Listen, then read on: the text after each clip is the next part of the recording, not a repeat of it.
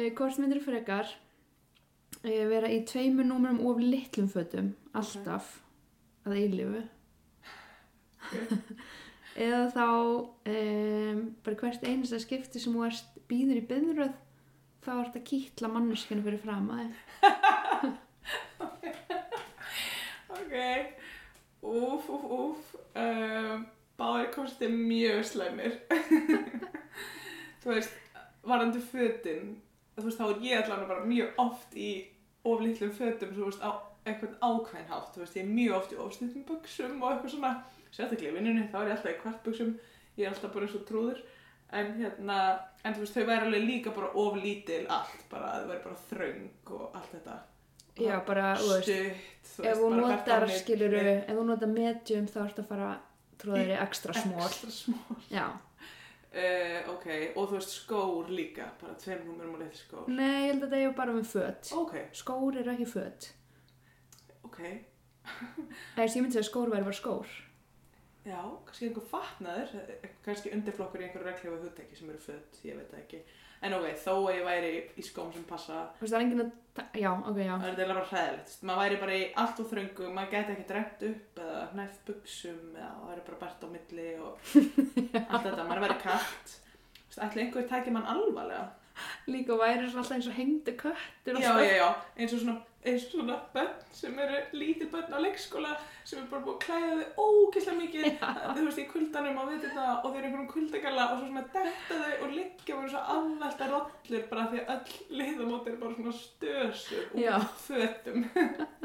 það væri kannski pínu þannig að maður færi úlpu. já, umvitt Ok, ég held að þetta myndi ekki vinna vel með mér, persónulega. Ok, og hvað var hitt? Kýtla manneskina sem er fyrir fram að stendur fyrir fram að þið byðröð ég í meira en eina mínútum jú, Ok, eins og einhver myndi standa það af sér í einu mínútu. Við erum bara að kyrra að láta ykkur ákvæmlega konu kýtla sig. Ég mætti ekkert vera meðan eitthvað afsekaði fröken, ég er hérna með álög sem halda því. Þú veist, ég mætti, ekkert gera það. yfir með Ég kvílst þyrfti- bölvun Já, ég þyrfti að vera bara, hæ hæ, kiki, hvað? Eitthvað svona. já, ég held það Já, ég held það líka. Úff, það væri bara, það væri eiginlega hræðilegt. Eða Er maður ekki bara handtekinn fljótlega eiginlega- og... Sko, þú veist, það skiptir eiginlega engum máli hvort þú útskýrir þetta ekki, þetta er bara jafn skrítið. það væri alltaf veintilega bara ógíslega fyndin saga maður væri eitthvað, já, ég var bara þarna á Subway og svo bara einhver konu sem byrjaði að kýtla mig og fór bara í meiri sögu að útskýra á, að yfir henni kvildi bölvun. Það er eins og að gera það eitthvað eðlilega Nei, nei, svo sem Nei. ekki, sko. ok, maður þarf að velja bara hvort ég myndi frekar. Já, sko, ok, ég hugsa ég myndi lenda þessu þannig að ég myndi velja mér kýtlið kýtlirið ok. og bara reyna sniðganga byrjaðir bara eins og hægt er þú veist bara að Mm. panta mér dót á netinu eða skiluru Vá, skarplega aðtjóða. já, takk takk fyrir, sérstaklega tímum COVID þá bara er fólk vinsal að spila um að sniðganga Ymmi. það væri kannski, þú veist, samt á einhverjum svona stöðum svo flugullum eða eitthvað sem að maður bara væri óumflýjanlega í byrjuð Ætli þú kæmist í flugum? Nei, líklega ekki, af því að það er líka svona bara zero tolerance fyrir einhverju Já, einhverju kýtleri. einhverju skrýtnari hegðun. Já, eitthvað, við erum eitthvað kýtla bara næsta bann, þú veist, á leiðin inn í flugvél eða eitthvað, það er bara, þú veist, þetta er þannig þegar allir eru að býða eftir að komast í sæti sitt, svona standa í flugvél í tróðunum, eitthvað svona að leita, býða eftir að komast að, hinn eru að setja döskur uppi, Æ. þá væri ég kýtla. Greið manneski verið fram með í flugun, hún er engin undankomileið. Nei, alveg hræðilegt, sko. Ég held ég myndi bara ekki geta lifa með sjálfur mér ef ég væri þessi típa, sko. Nei, þannig að þú myndir vera alltaf í tveimur númurum of litlum fötum. Nei, ég myndi bara ekki ferðast Já, ok. og ekki bara, ég myndi sniðganga byðraðir og vera í eðlulum fötum. Ymmit. En þú? Ég, ég er að hallast að ég verið of litlum fötum. Já, og, og vera bara frjáls í þínum byðraðum. Já, ég er Já. svona það, eitthvað veginn, ég held ég myndi púla. Já, ég, þú veist, þröngt, einhvern veginn en smekklegt. Ég held ég myndi bara kannski, þú veist, gera það einhverju mission að vera í einhverju svo ótrúlega góðu forma að ég lit út fyrir að vera bara svona Já, en þú veist, þú væri samt alltaf í of litlum fötum fyrir þitt líkaflega aðgerð, skilur Já, ég veit það, en það er bara svona, það er bara svo fötin sé að ripna af mig, þú veist, utan um mig svo Allir væri bara svona vá þessi gæli er bara að hlaupa laugavegin við fyrirgjöfum henni. Já, bara taka þátt Við í sjáum CrossFit. Já. Já, Þú væri samt alveg í vinnunni bara í of litlum uniformi. Já, ummitt, ég hef, svona sko, beigðið fram. ég hef einu sinni- ég hef einu svona óvart tekið buksu númer 32, Ok, ég veit er- ekkert hvort, það- hvort það er óeðlilegt. það er sjúklega, bara vá hvað það er lítil stærð og ég held að ég var að taka mína venjuleg stærð og ég var að hugsa með sjálfur mig hvort ég hefði þingst svona svakalega Já, bara slæm helgi með Já. bústað, koma aftur til starfa. einmitt það ripnuð ekki utan um mig en mér leið samt mjög illa í þeim Það var stutt í sömsprettu. það var stutt sko, ég teikt teikt þetta fyrir manneski sem hafði fitnað sko Og þá er klassist að vera í einhverjum svona, einhverjum frozen nærbuxum eða eitthvað á þessari vakt, svona sem sést í gegn þegar þú beigir fram, sko. einmitt Góður plömmar sem fylgir. þetta, þetta var svolítið óþægilegt reyndar svona Já, ég trúi því. Ég trúi því. Ok, þannig að þú, þú en ég í- myndi samt velja þetta Þú, já, þú verður í litlu fötunum. Ég verð bara... Kýtlarinn. Ég verð kýtlarinn. ok, þannig að ef að hlustendur sjá okkur, þig með Bert á milli og mig eitthvað að kýtla fólk á enn einum, þá eru bara eðlegar útskynningar á því. já, En hérna, hefur kannski að kynna okkur. já, jú, Rifið þetta aðeins upp. Já, einmitt uh, mér langar reyndar að taka eitt fram Ekki tilbúin að græða þessu. Nei, ég hef ótrúlega oft keft mér aðeins á litlar gallaböksur Mér líður svo ógislega margir tengjum við Ég þetta held að vera að fara að segja mér að það er ótrúlega oft að kýtla fólk. Nei. Að létta lund. Ég var eitthvað, já. Nei, ég hef aldrei gert það sko Já, en svona til að ætla sér að fara í ræktina, koma þér í stærðina. Eða þá bara svona, það var annarkvært að taka stærnum fyrir ofan eða stærnum fyrir nefana því mín Já, já, já, já. svona er og ég tók fyrir neðan og svo hef ég aldrei notað þær aftur Aha, já, þetta, ég held að allir tengi við þetta. Já, en ok, sorry, ég er búið með þessar pælingar Já, þetta er lág á þér. Já. Þú þarf bara að losa. Já, drulllaði bara í ræktina Já, og komdu í þessum- buksum í næsta viðtal. Já, jú, líka það Áskorun. Nei, hræðilegt. Gott fólk, kaupum okkur buksur við hæfi, uh, látum okkur líða vel. Já, nákvæmlega Ekki viljum við stuðla sveppsýkingum, Stefania. Nei, Mm. ymmit Já, eða uppsöfnuð prumpi sem verður á maður. Tengdi kannski engi við þetta nema ég. Ég, nei, tengdi ekki við það Já, já, ég veit einhverju hlustundu tengi við þetta. Ég er svo duglega að prumpa Já, það er þetta rétt. þú, heldur, e- þú bara heldur ekkert aftur að þér. Maður á ekki að gera það Maður á aldrei að gera það gott fólk. Það er vott fyrir grundabotnin Já, rétt. En hérna, kynnum okkur nú eftir öll þessu ósköp. Já, mér langar samt að segja að prumpi mín eru bæði lyktulegs og silent Heldur þú? þú lifir í þeirri blekkingu, Stefania. Jú, Ég ætla ekki að taka, taka hana frá þér. mm Ok, en þú heitir sérst Stefania. Já, Það er Mikill prumpa, nei, ok. Mikið brumpari, of litlum fötum, frábær stelpa. Stefán, ég heiti Stefán Jósk Margrisdóttir Sunna Mari Helgadóttir heiti ég, illt í maganum og kýtla fólk í byðlöfum. Hún rópar prumpi Hún heldur Ok, því þetta er hræðilegt sem ég heit. Ok, hættu núna, sorry. Ok, Við erum ok, hættar. Við, við festum svo í spili sem heitir Pick Your Poison þar sem maður er að velja á milli einhverja tveggja slæmra valkosta og við bara einhvern veginn tókum með okkur inn í nýtt uh, season af legavarpinu. Þið eru hér stödd í legavarpinu, uh, hlaðvarpinu um ljósmæra stíð, nei um ljósmæra tengmálefni líðandi stundar. mm Við erum hér að snúa aftur eftir bara heljarnir gott hlið Mhm. sem að tengdist bara meðal annars önnum og bugun og kannski smá COVID og hérna þessu. 80% vaktavinnu Eh, 80% þrískiptir vaktavinnu, kyrslu. Eh, hvað erum við búin að vera að gera? Hvað er þú búin að vinna hérna, Stefania? Er Frá búin að síðasta þætt? Já, einmitt Tökum við kannski fram að við útskriðumst í mittiltíðinni. Jú Erum hérna orðnar full, búnar ljósmaður. mm Til að mikið með það, Stefania mín. Takk fyrir og sömulegis Æ, þakka þér. Gott partí sem hún helst Já, vá. Er bara heldur betur, ég þurfti að flytja í kjölfarið. Ég sko lánaði sunnu partítjaldi mitt Rosalegasta partítjald Já, bara landsins. Sem að, hún geti haldið partí sem ég geti krassað í Akkurat, bara með góðum árangri. leist upp á lauruglunni uh, um síðir. heldur betur, því ekki. Ættum kannski ekki að vera ræða í hraðvarpi. Nei, þeir eru samt, samt til hamingju. Já, reynda rétt. Þeir, okkur var fyrirgeð. Þeir voru stoltir. Já, það er rétt. Hmm. Það er En ég er búin að vera í Keflavík í sumar á ljósmaravæktinu þar. Geggjað. Bara búin að vera mjög, mjög lærdomsrikt og gaman að vera þar. Bara maðuravendin og alls konar svona bráðakomur og uppákomur og fæðingar og bara... Já, svona pínu Það er lands, landsbyggðastemning, þú veist, maður þarf svolítið svona að redda sér. Það er svona, þú ert ljósan á söri svona í kvöld og þú reddar þessu. Já, algjörlega. Já, Mhm. geggjað. Það var lærdómur. Já, því. Já. Mikill akstur, Reykjanesbrautin, Bara, bara fram og aftur, engi bögun. engin bug. Já, Ég ég veit að þú myndir, þú myndir bögu, sko. ég bara get ekki kert upp í síðumúla bara, þau eru svona Ungfrú Vesturbær. Hrillast í að bara bílast lífstíl, sko. Já, já. En ég dáist að þér, ég dáist að þér, vel gert. En ég hægt því núna. Ég er að fara að byrja á fæðingavaktinni og Á landsbytalanum. á landspítalunum, já. Já. Og svo er ég í maðuravend á helsugesslunni. Já, Mhm. þú veist svona með mörg játn í eldinum, Já, ég, það má segja. það er svo gaman í þessu öllu saman maður. En þú? Vinnufíkil. Uh, já, ég er búin að vera einmitt á fæðingavall landsbytalans, þannig að við erum bara að verða samstarfkonur sem betur fyrr. Uh, þannig að já, ég var þar í sömar og er, er þar enn og hérna bara svona allsherjar eldskýrn eins og oft er, svona eftir þegar maður er nýri starfi. En, hérna- Ekki bara það, það var bara brjálega að gera í sumar. Já, mikið verið að fæða, það sem er auðvitað bara dásanlegt. Uh, og þetta var bara bæði mjög erfitt og krefendi og, og ótrúlega skemmtilegt og lærdomsrikt. Þannig að ég held að við bara meðum vera stoltar á okkur að hafa lifað það fyrsta sumarið í starfi Nákvæmlega. og nú er það bara upp og áfram.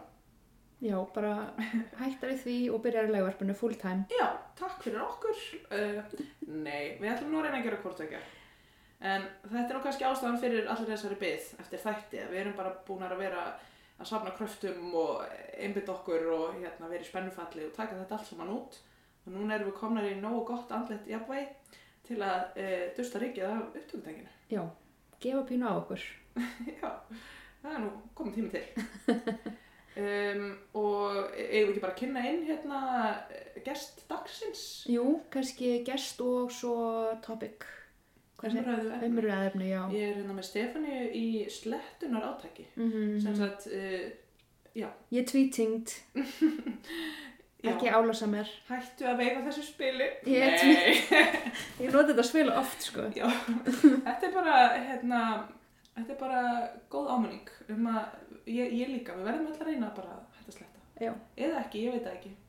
Jú, ég er til í það. Ok, þannig að hér ætlum við að kynna inn umræðarnið sem að er, sem sagt, hvað skal ég segja, siðfræði og siðfræðislega álitamál, sjálfræði kvenna, svona ímislega, ímis hugtök sem tengjast kannski bara siðfræðinni og heimspekinni í barninaferlinu. Mm Og við töluðum að sjálfsögðu við heimspeki ljósmóðurina miklu. Hanna Berglindi Hálfdánsdóttur. Já, og hún kom til okkar í alveg ótrúlega skemmtilegt spjall. Þetta hljómar kannski bara allt saman svolítið flókið, en... Og þetta er það. Og þetta er það og auðvitað eins og svo oft þegar heimspeki er annars vegar þá er niðurstaðan bara óskýr og lítil sem engin en það er kannski ekkert endilega markmiðið með spjallinu. Þetta er meira bara svona að, e, að þyrla upp einhverju reiki og sjá hvert við hérna, hvernig við spjörum okkur Mm í því. Mér líst vel að það bara. Er það ekki? Mhm. Ef við ekki bara gefa Berglind orðið Heldur betur. og reyndar okkur líka, við erum hann með henni þannig að ekki, þið þurfum ekki að örvætta. Við leiðum ykkur í gegnum þetta. Já, ég heiti sem Berglind Haldánsdóttir og ég starfa sem dósent í ljósmaðurfræði við Háskóla Íslands og hef gert það núna síðan ég kláraði doktorsnám mitt 2016 og mér þykir þetta alveg afskaplega skemmtileg vinna. Bæði rannsóknirnar og kennslan. Komur óvart hvað kennslan er skemmtileg. Já. Þú kannski ætlaði aldrei að vera kennari. Nei, ég ætla aldrei að vera kennari og ég einhvern veginn svona þegar ég ákvaða að fara í doktorsnám og vissi ég að, að því myndi fylgja að maður svona, ef maður feta þessa akademísku braut að þá verður gerðar ákveðna kröfur um kennslu og ég hafði aldrei sínt hérna einn áhuga og held að ég er ekkit endilega góðu kennari að því að fannst þetta ekki spennandi en svo bara um leiðu ég byrjaði að kenna og komst ég að því að það er bara alveg sjúklega gaman. Eða, ég, kannski er það bara í, í þessu námi, ég veit það ekki, af því að við erum náttúrulega búin við þessi forréttindi kennararnir í ljósmáðafræðinu að vera að kenna mjög litlum hópi, það var alveg ofsalega dedikeruðum nefnum sem að hafa þurft að hafa fyrir því að komast þarna, hafa þurft að berjast fyrir plásinu sínu og eru allir brennandi á áhuga, þannig að það er bara ótrúlega gaman að- fá að kenna fólki sem er raunverulega áhuga á því að læra það sem er að kenna og, og er líka svona ákvæmum jafningagrundulli og maður bara getur setið og spjallað og, og, og við lærum af neymanum líka og þannig að, já, eins og ég segi, mér, það kom mér verulega óvart hvað kennslan er skemmtileg og ég ætla ekki að bakka út úr henni áttur. Nei, við erum bara mjög ánægð með það held ég. Einstaklega skemmtilegt fólk í þessari ljósmóðufræði deil. Já, gott að heyra það. Hlutlust mat. En þú ert nú ekki bara ljósmóður, er það nokkuð? Já, jú, ég, í raunin er ég það ég, en ég ætlaði nú aldrei að verða ljósmóður, það stóð aldrei til. Ég hérna, ætlaði að vera arkitekt þegar ég var yngri, það var mikið áhuga á gömlum húsum og ætlaði að vera húsafriðunar arkitekt, svo komst ég að því þegar á reyndi, ég hafði bara að. Þannig að eftir stúdendin þá fór ég beint í að læra heimsbyggi. Af því að ég hreinlega hafði bara ekki tjúnd um hvað ég ætlaði að gera í líf mitt og hugsaði með mér að gæti alltaf ekki skada að læra að hugsa maður geti aldrei tapað því, þannig að ég skellti mér í heimsbyggi og, og gerði síðan það sem er, mér skilst það sé mjög klassist í heimsbygginni að, að hérna, hætta í henni þegar ég átti bara eftir einn áfanga á reitgerð. þannig ég er, svona, ég er heimsbyggi droppot, það er svona minn bakgrunnur. Já. Er það ekki hinn sanni heimsbyggingu svo? Ég veit það ekki, ég er svona byrn og aðeins kannski meira veringu fyrir þeim sem að actually kláru þetta og fór ég að fylga áfram í meistarana, en ég er svona, það var mín tilfinning allavega að þarna í, í, í lok sjötta misseris þá var einhvern veginn búið að kenna manni nóg mikið til að leysa upp alla heimsbyndina og maður stóð á gati í algjöru tilvæstakreppu. En það sem það gerði allavega var að það færði mér sko þessa nýju hugmynd. Þar sem ég satt bara einn daginn í, hérna, og horfði út um gluggana og esjuna og hugsaði með mér bara hvað ég ósköpum maður að gera til að hafa gott líf og vera hamingisamur og þá hugsaði með mér ok, það lítur að eitthvað leita þurfa að snúast um vinnuna sem það vinnur. Maður eigður alveg ótrúlega mjög tími í vinnunni og hérna, það lítur að þurfa að byrja þar. Já. Og allt í einu kom þessi hugmynd. Ég veit ekki hvað hún kom, ég hef ekki hugmynd. Bara kom nýri hausin á mér, þá að þú að vera ljósmaður. Hmm. Og bara allt í einu meika, bara var þetta algjörlega það sem að var skynsalegast í stöðunni. Já. Það er ekki hægt að vera óhengisamur ef maður er ljósmaður, hugsaði ég með mér. Mhm. Ég hafði aldrei látið mér þetta í hug og ég tók mér nokkur ári að svona safna kröftum og, og vinna að henni byrjaði að því að ég hugsaði með mér, þetta ætla ég að gera vel. Og hérna, byrjaði ekki í hjúknarnáminu finn ég á tilbúin að taka það með troppi og bara hef eiginlega vall, valla lært að læra síma. Já. En nú er ég búinn, Já, nú er ég fann að kenna. þú ert fann að kenna. Aldrei að segja aldrei, sko. Já. Arkitektadeildin býður eftir þér. Já, nei, eða kannski skilin þessari bíðarriðgir í heimsbygg að vera komin.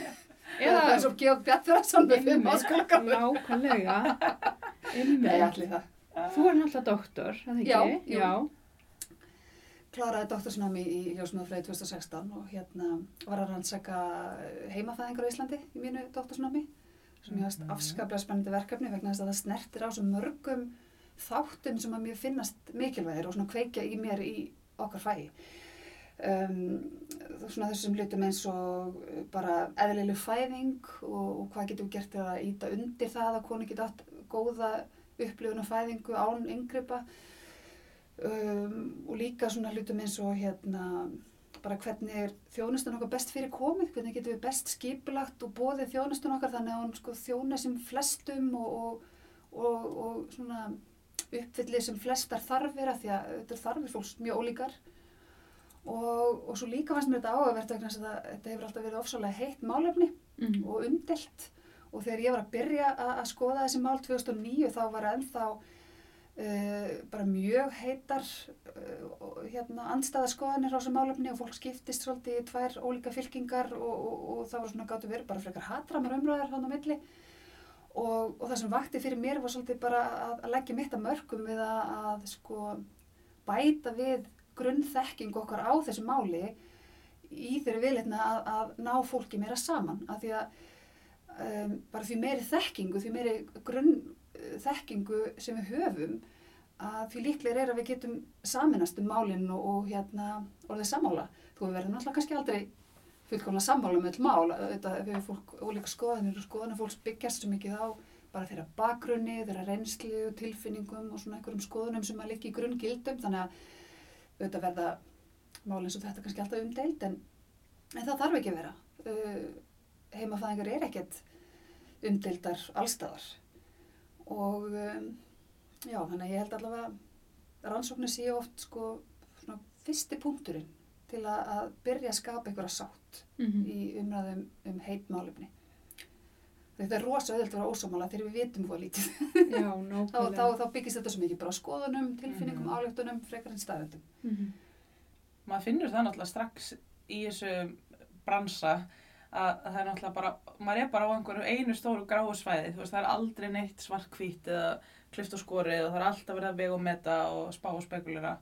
Og fólk er svo oft bara, þú veist, að, hérna í svona tilfinningarökum þegar það er verið að skiptast á skoðunum um eitthvað. Og þú veist, sem er náttúrulega skiljanlegt að þetta er allt svo svona viðkvæmt, þú veist, allt sem tengis bara þessum barnegnum og svona.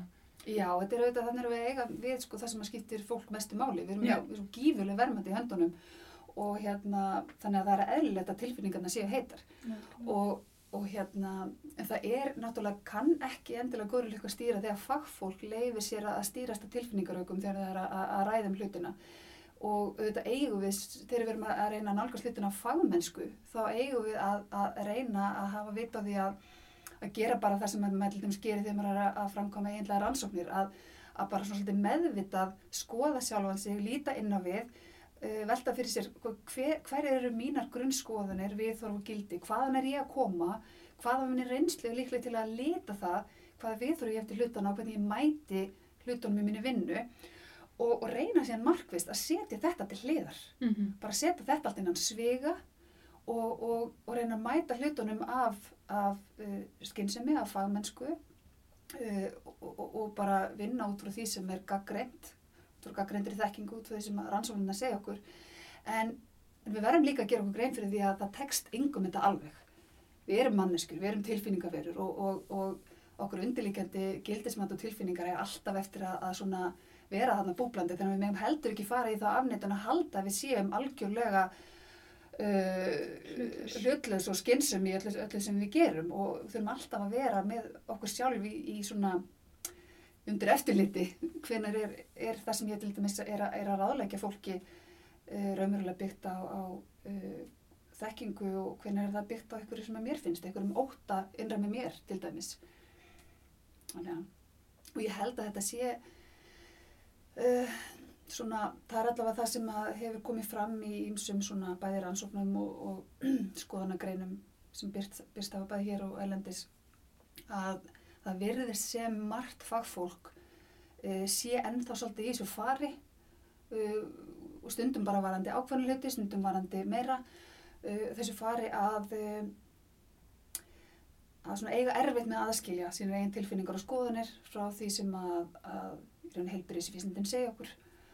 Og og ég, mér var svolítið gaman ég, að ég held að sé svo mikilvægt að við förum ekki setja okkur í dómarasætið í hvort öðru og förum ekki að, að hérna halda við séum eitthvað betri en aðrir og, og, og þó ég sé búin að vera að skoða þessa hluti að ég sé þá eitthvað hérna orðin eitthvað óskaplega að færa með vera alltaf hlutlaus og, og mér varst, þess að fannst mér svo væntum að standa sjálfa mig að svona skekju Mhm. uh, að hérna það gefur manni bara svona okkur auðmygt og, og umbörlindi gagvart bæði sjálfum sér og öðrum að þegar ég var sko búin að vera að, að skoða þessi mál með heimafæðingarnar í talsverðan tíma að og var svona bara komin, ég var, ég var búin að vera í mestarnám að skoða þetta og var svona að byrja mitt doktorsnám og var að starfa í, í meðgengu vend sjálf.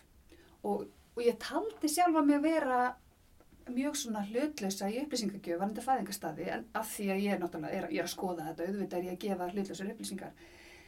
En ég stóð með því að ég var raunverulega ekki að gera það uh, ég var vissulega að, að upplýsa konur um alla þá valkosti sem er í stöðunni en ég var að kynna þá á einhvern hátt sem var alls ekki hlutlaus Mm. Uh, ég byrjaði á því að segja þeim frá landsbítalanum sem algengasta fæðingarstaðnum. Svo fór ég að segja þeim frá minni fæðingarstöðum hérna í kring, eins og Selfossi, Keflaði, Gagranesi og svo nefndi ég heimafæðingar í lokin. Er svona fyrir þær sem að kannski hérna, sjá ekkert endilega ástæði til að fara inn á sjúkröðast, þá eru heimafæðingar í bóði. Það að, að, setja upplýsingarnar svona borð, það er ákveðin hérna, hlutdrægni í því. Ég er hérna að senda þeim þau skilaboð að það sem ég nefni fyrst og það sem er algengast sé eitthvað sem er norm, sé eitthvað sem er eðlilegt og ákjössalegt. Mhm. Þegar í rauninu maður ætti að snúa svo haus að, að, og það ég fór að gera það í framhaldinu þegar ég áttaði með á þessu. Þá fór, byrjaði ég að segja konum frá því að, að þær konum sem að væru raustar og, og ætti ekki vinnin helsóðarsvandamál að stríða að að þær þyrtu kannski ekkit aðra þjónustu heldur en bara almenna ljósmæra þjónustu sem hægt er að veita heima eða á litlum um, fæðingarheimilum um, en um leið og einhver vandamál verið komin upp og þá myndum við mæla með að fæða þar sem að meiri þjónustu verði staðar eins og þessum og þessum sjúkrásum Mhm. og í dag þykir mér eðlilegt að kynna upplýsingarna svona en um, en í rauninni á maður að reyna að kynna þetta alltaf sem hlutleysastan átt Mhm. og, og ég um, sko þetta er rosalega fín lína. Um, auðvitað eigum við sem fagmenn við berum óbúslega mikla ábyrð á að upplýsa. Og við höfum sko réttur kvenna til að upplýst val endur speklast í okkar skildu til að veita upplýsingar. Og veita, þar, veita allar upplýsingar sem konan þarf og veita hlutar sem átt. Um, en við berum líka sko ákveðna ábyrð á að uh, taka kannski afstöðu til þess hvað okkur finnst skynsanlegast, hvað við myndum ráðuleika með aðstæður. Uh, konan hefur rétt á því að vita hvað okkur sem fagmönnum þykir skynsanlegast með aðstæður. En við megum ekki presendir eða þannig að, að um, konan fá þá tilfinninguna að vegna þess að okkur finnst það skynsanlegast að eigi hún að velja það. Valið, við þurfum alltaf að senda mjög skýr skilabóð um það þegar við erum að upplýsa konur um hennar valkosti, hvort sem það er fæðingastæður eða annað, að hún þarf alltaf að fá þau skilabóð mjög skýrt frá okkur að valis í hennar. Og ég held við sem ekki nóg duglega kannski að upplýsa konur um það að þegar hún tekur ákförðun að það sé eðlilegt að hún taki sínar eigin aðstæður, sitt eigin gildismat og sín eigin viðhorf inn í ákvarðanatökuna. Af því að til dæmis þegar við erum að tala um áhættu og ávinning, það er auðvitað það sem við erum alltaf að hugsa um þegar við erum- að gefa konum upplýsingar um, um fæðingastað, um epiduraldeyfingar, um gangsetningar fæðinga, um, um hvað sem er sem, að, sem að er í bóði í fæðingaþjónustunni, að við erum alltaf að veita upplýsingum um það hvað, hvað er gott við þetta, hver er ávinningurinn, hvað er hugsanlega gaglegt og hinbóinn hvað er hugsanlega ekki gaglegt, hver er áhættan og erum að vega og meta þetta og í rauninni konan þarf að vega þetta meta á eigin vogaskálum og þar kemur mikið inn í hennar gildismat vegna þess að áhætta er svo gildislæði hugdag það hvað okkur finnst hættulegt er bara svolítið svona um, fyrir eftir því hvernig glerum við horfum á það. Um, til dæmis um, 1% áhætta að ykkur mjög alvarlegu getur skipt okkur meira máli heldur en 50% líkur á einhverju sem er ekkert sérstaklega alvarlegt. Og það hvað er alvarlegt fyrir eftir því hvað okkur finnst alvarlegt persónulega. Og hérna uh, og áhætta á að stjórnin sé tekin af mann í fæðingu eða áhætta á að fá óþörf yngripp getur kannski skipt eina konu miklu máli og meðan það skiptir aðra konu litlu máli uh, og, og þessir hlutir verða að fá sitt vægi á ofaskólanum þegar konan tekur ákverðinum það hvaða þjónustu hún vil tekja. Já, þannig að það er ekki þannig beint að það eitt gildi samum allar. Engan veginn, engan veginn. Hver einasta kona sem að fæðir barn er einstök og, og, og hver einasta fæðing hverja konu er einstök og uh, þessi kona er ekkert endilega sama kona núna eins og þegar hún átti fyrir barnið sitt fyrir fimm árum. Hennar lífsænsla hefur mótað henni í middeltíðinni og, Mm. og við þurfum alltaf að hafa það sem, sem okkar viðmið nummer 1 og 3 að nálgast hverja konu og hennar fórsendum á þeim tíma sem við erum að, að mæta henni. Gefa henni þar upplýsingar sem hún þarf á þeirri stundu og á þann hátt sem hún þarf á þeirri stundu. Mm -hmm. Finnst þér þá að við ættum hreinlega að tala einhvern veginn svona aðeins skýrar um að hverjar áhætturnar eru við það að, fæða á hátæknisjúgrási til dæmis sem að gæti verið aukna líkur á að, einmitt þess að þú sagðir að, að völdin verið tekin af þér eða aukna líkur á okkur óþára yngrippum eða eitthvað svo leiðis.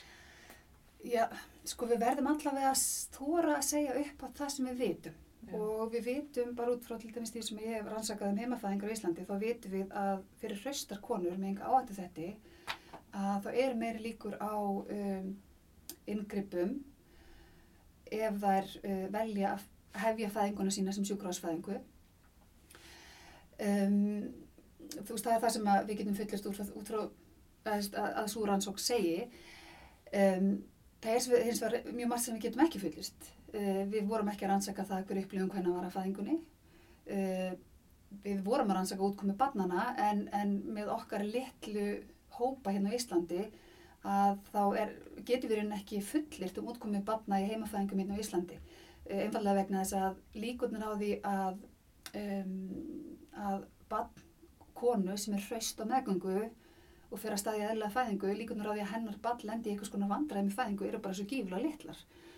Og þó þessi að sjálfsög ekki útiloka, það er ekkert útiloka í þessu lífi, en, en líkunar eru svo litlar að til að geta rannsaka svona hluti sem eru svona ofsalega sjálfgjafir eins og slæm útkoma batna í, í fæðingu hraustra kvenna, þá þyrftum við, við þyrftum að rannsaka heimafæðingar hérna mörgundur ár til að geta fullirt með einhverju tölfræðari vissu um það.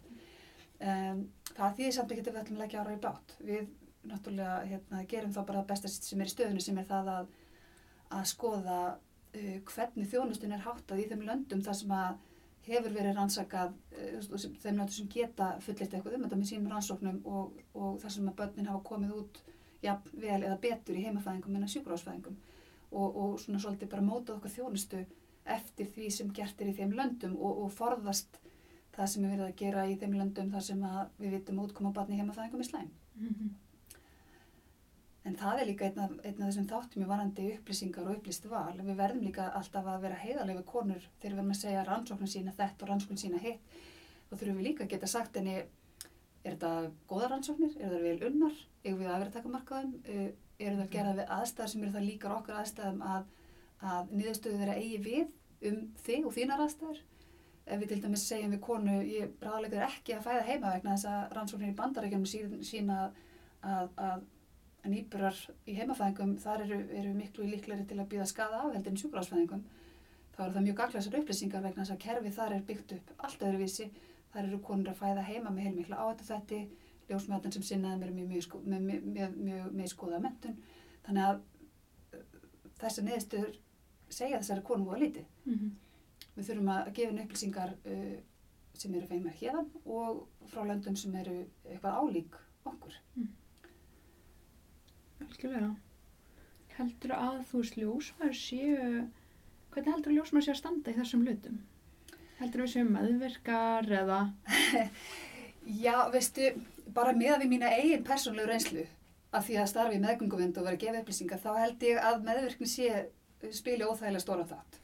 Það er rosalega óþægilegt að segja við konu, já, framgöldum fæðinga fylgir þess og þess og þessi áhætta, epiduradeyfingum fylgir þess og þess og þessi áhætta, þegar ég veit að ákveðin hluti þessari hvernig kemur til með raunverulega þurfa á þessum yngrupum að halda og það er mjög snúið að, að fræða á þess að ræða. Mm. Mhm.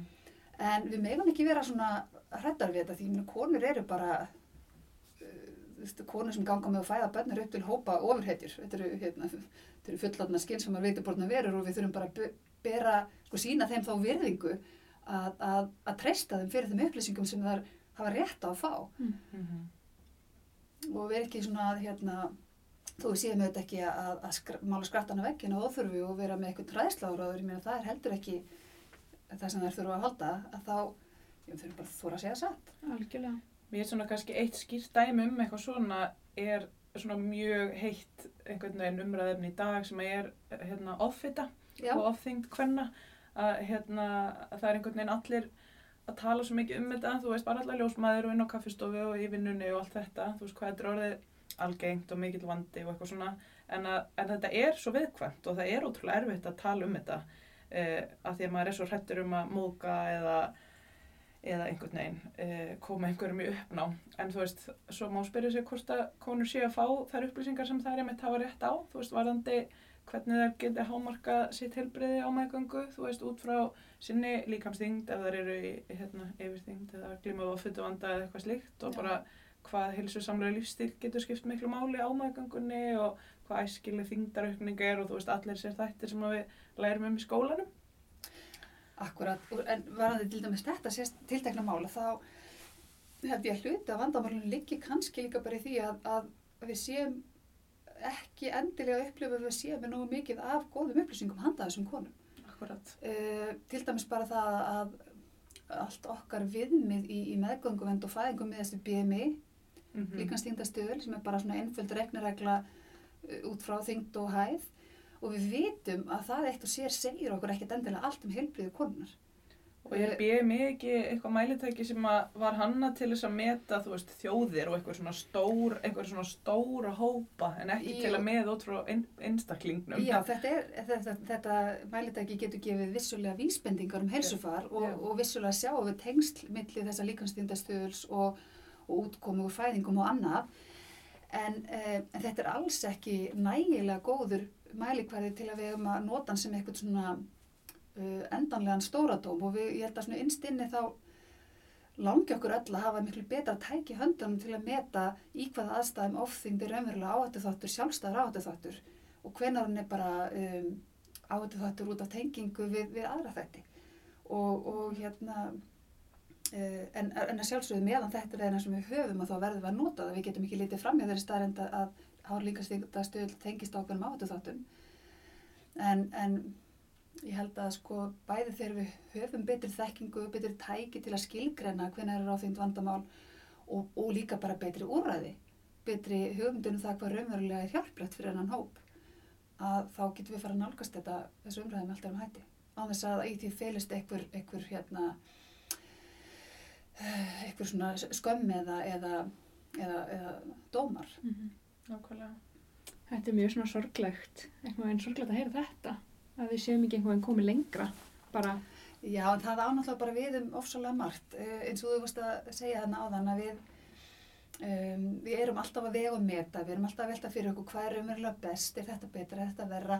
Og allt okkar starfi í heilbríðiskerfinu uh, byggist á því að við erum alltaf að reyna að taka bestu ákvörðum hverju sinni út frá þeim upplýsingar sem við höfum í höndunum, en að sama tíma gerum við okkur alltaf grein fyrir því að það sem við veitum í dag er ekkert endanlegu sannleikur vegna þess að bara reynslan segir okkur það. Það sem við þóttumst vita fyrir víst fyrir tíu árum uh, á ekki við í dag og, og, og við þurfum að nálgast sko, uh, við þurfum alltaf að, að, að, að gera það sem er best hverju sinni en, en vera jafnframt umuga hvort því að, að eftir tíu ár getum við verið búin að sjá að það var ekkert endilega besta. mm -hmm. Það þýðir ekkert við um að, að gefast upp og, og gera bara eitthvað. Við verðum bara alltaf að gera okkur besta hverju sinni en bara með ákveðinu auðmygt og um, passa okkur að fara ekki í einhvern hróka gagvart því að, að við séum alltaf með einhvern stóra sannleik í höndunum. Mm -hmm. Og ég held að flestri heilbríðstarfsmenn þegar þeir eru að vega og meta og áf- ávinning séu svona sæmilega auðmyggjur gagvart því hluturki sínu. Mm -hmm. Nákvæmlega. Sko, mér fannst svona, eh, því að við erum búin að vera að skoða eins hérna, það sem þú hefur skrifað um eins og þetta með hérna valofæðingarstað og heimafæðingar og allt þetta og þú komst nú meðal annars í skólan til okkar þegar við vorum ennþá nemar í fyrra að, tala um svona bara eh, siðfræði í barnegna þjónustunni og allt þetta. Að það er svona hugtak sem er alltaf að koma upp í þessar umræðu er bara svona sjálfræði, þú veist sjálfræði hvenna og hvernig við getum staði vörðum það og bara í síðarreglum ljósmaðra held ég mér að það sé bara hveð áum og við eigum að, að reyna að standa vörðum það alltaf.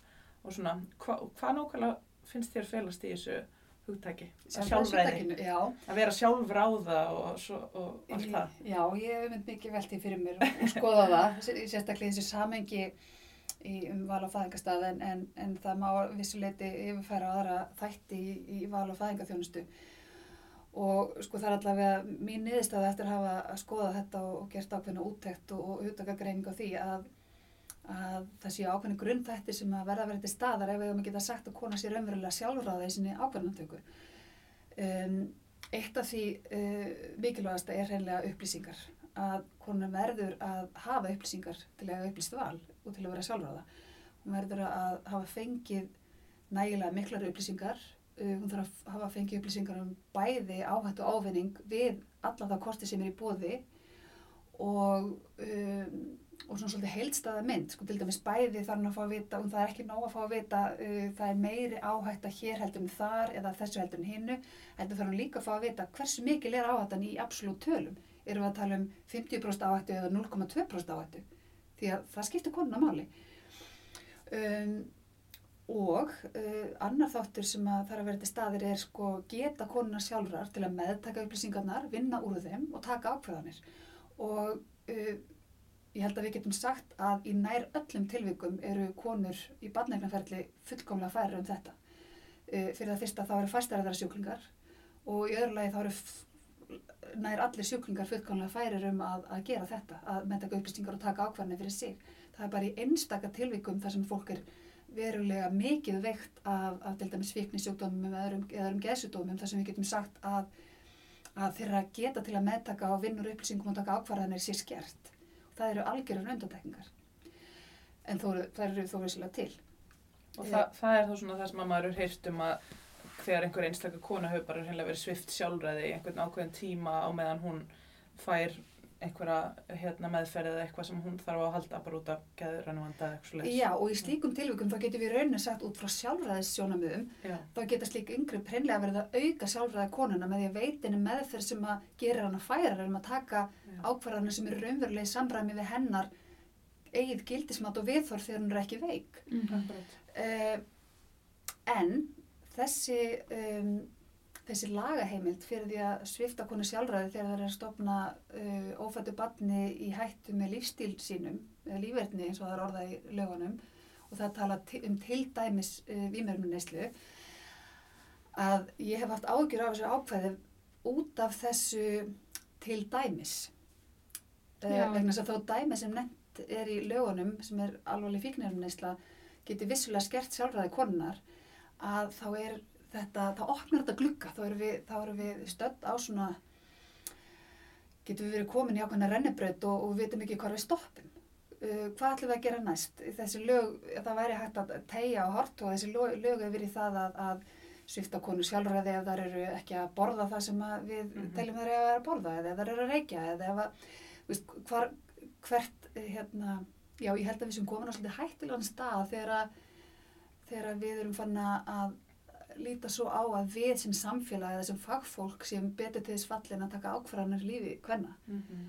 Uh, þó að vissulega getur maður séð fyrir þessu ákveðin aukakent tilfelli eins og alvarlega vímefnuneslu en, en meiri séð þeim tilfellum þá fær maður svolítið þá tilfinningu að þessi úrræði séu svolítið eins og plástur á okkur eigið sár að við séum að gera eitthvað að því okkur finnst við verða að gera eitthvað Mhm. þegar að þessi tilfelli þar sem við erum að svifta konu sjálfræði og, og vistar á stofnun, jú vissulega er það skadamingandi aðgerð, við erum að draga úr þeim skada sem annars yrði en við erum ekkert að gera þeim skada sem að um, þegar hefur orðið og við erum ekki að tryggja það að þessi kona fari út úr þessari um, nöðungur meðferð uh, hröstari og, og, og færar um að vera barninu sínu móður og hafa gott líf sjálf.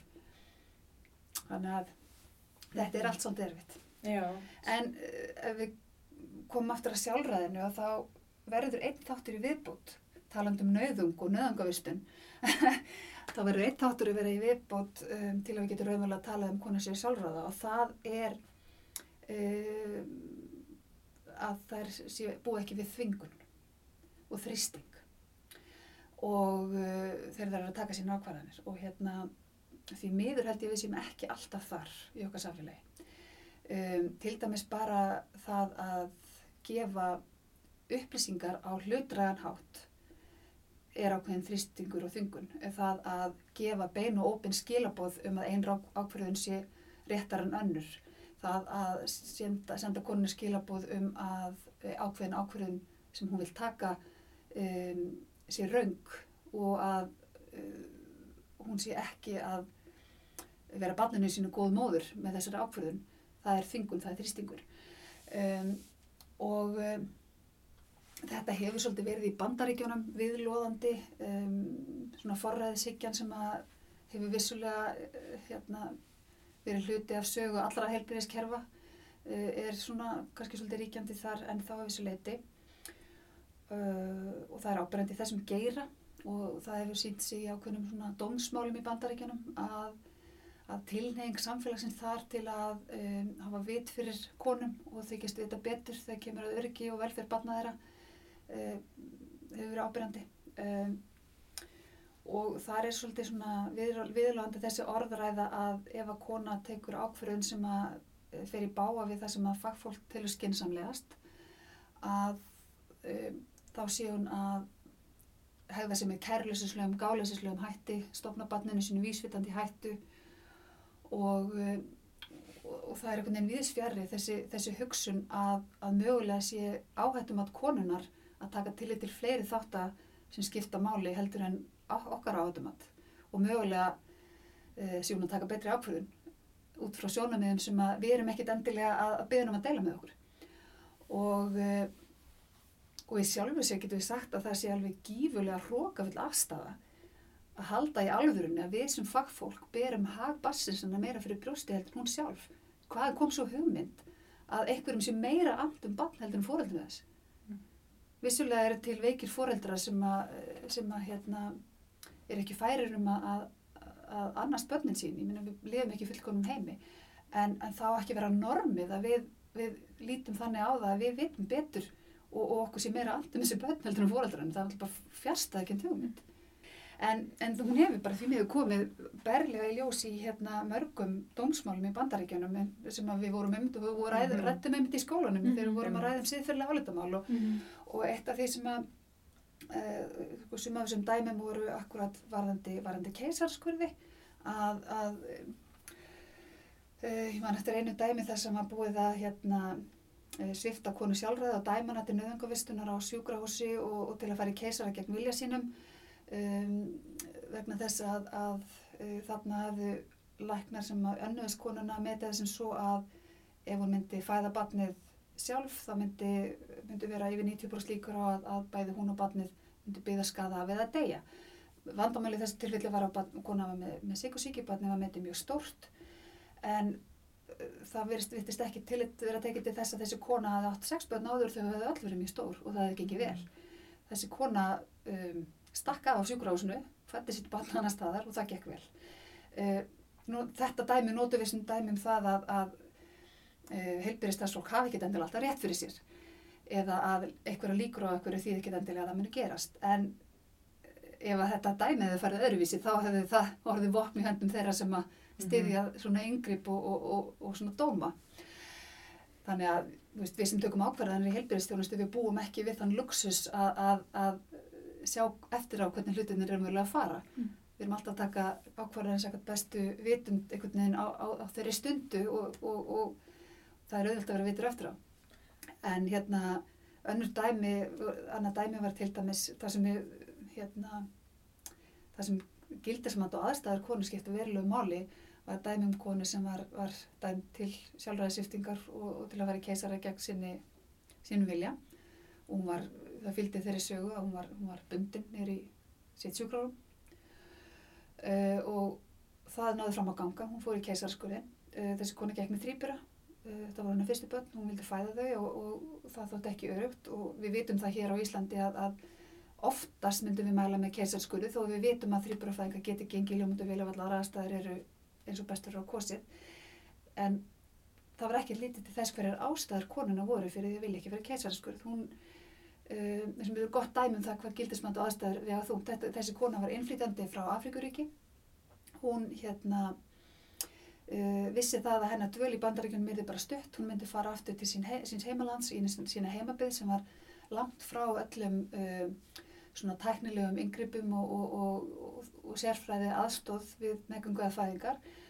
Eh, Þannig hún vissi það að ef hún færi aftur til Afriku með keisaröður á leginu þá myndi það skapa mikla hættu fyrir hana og hennar börn í framtíðinni að því að hún gerir á fyrir eiga mörg börn Mhm. til viðbótar.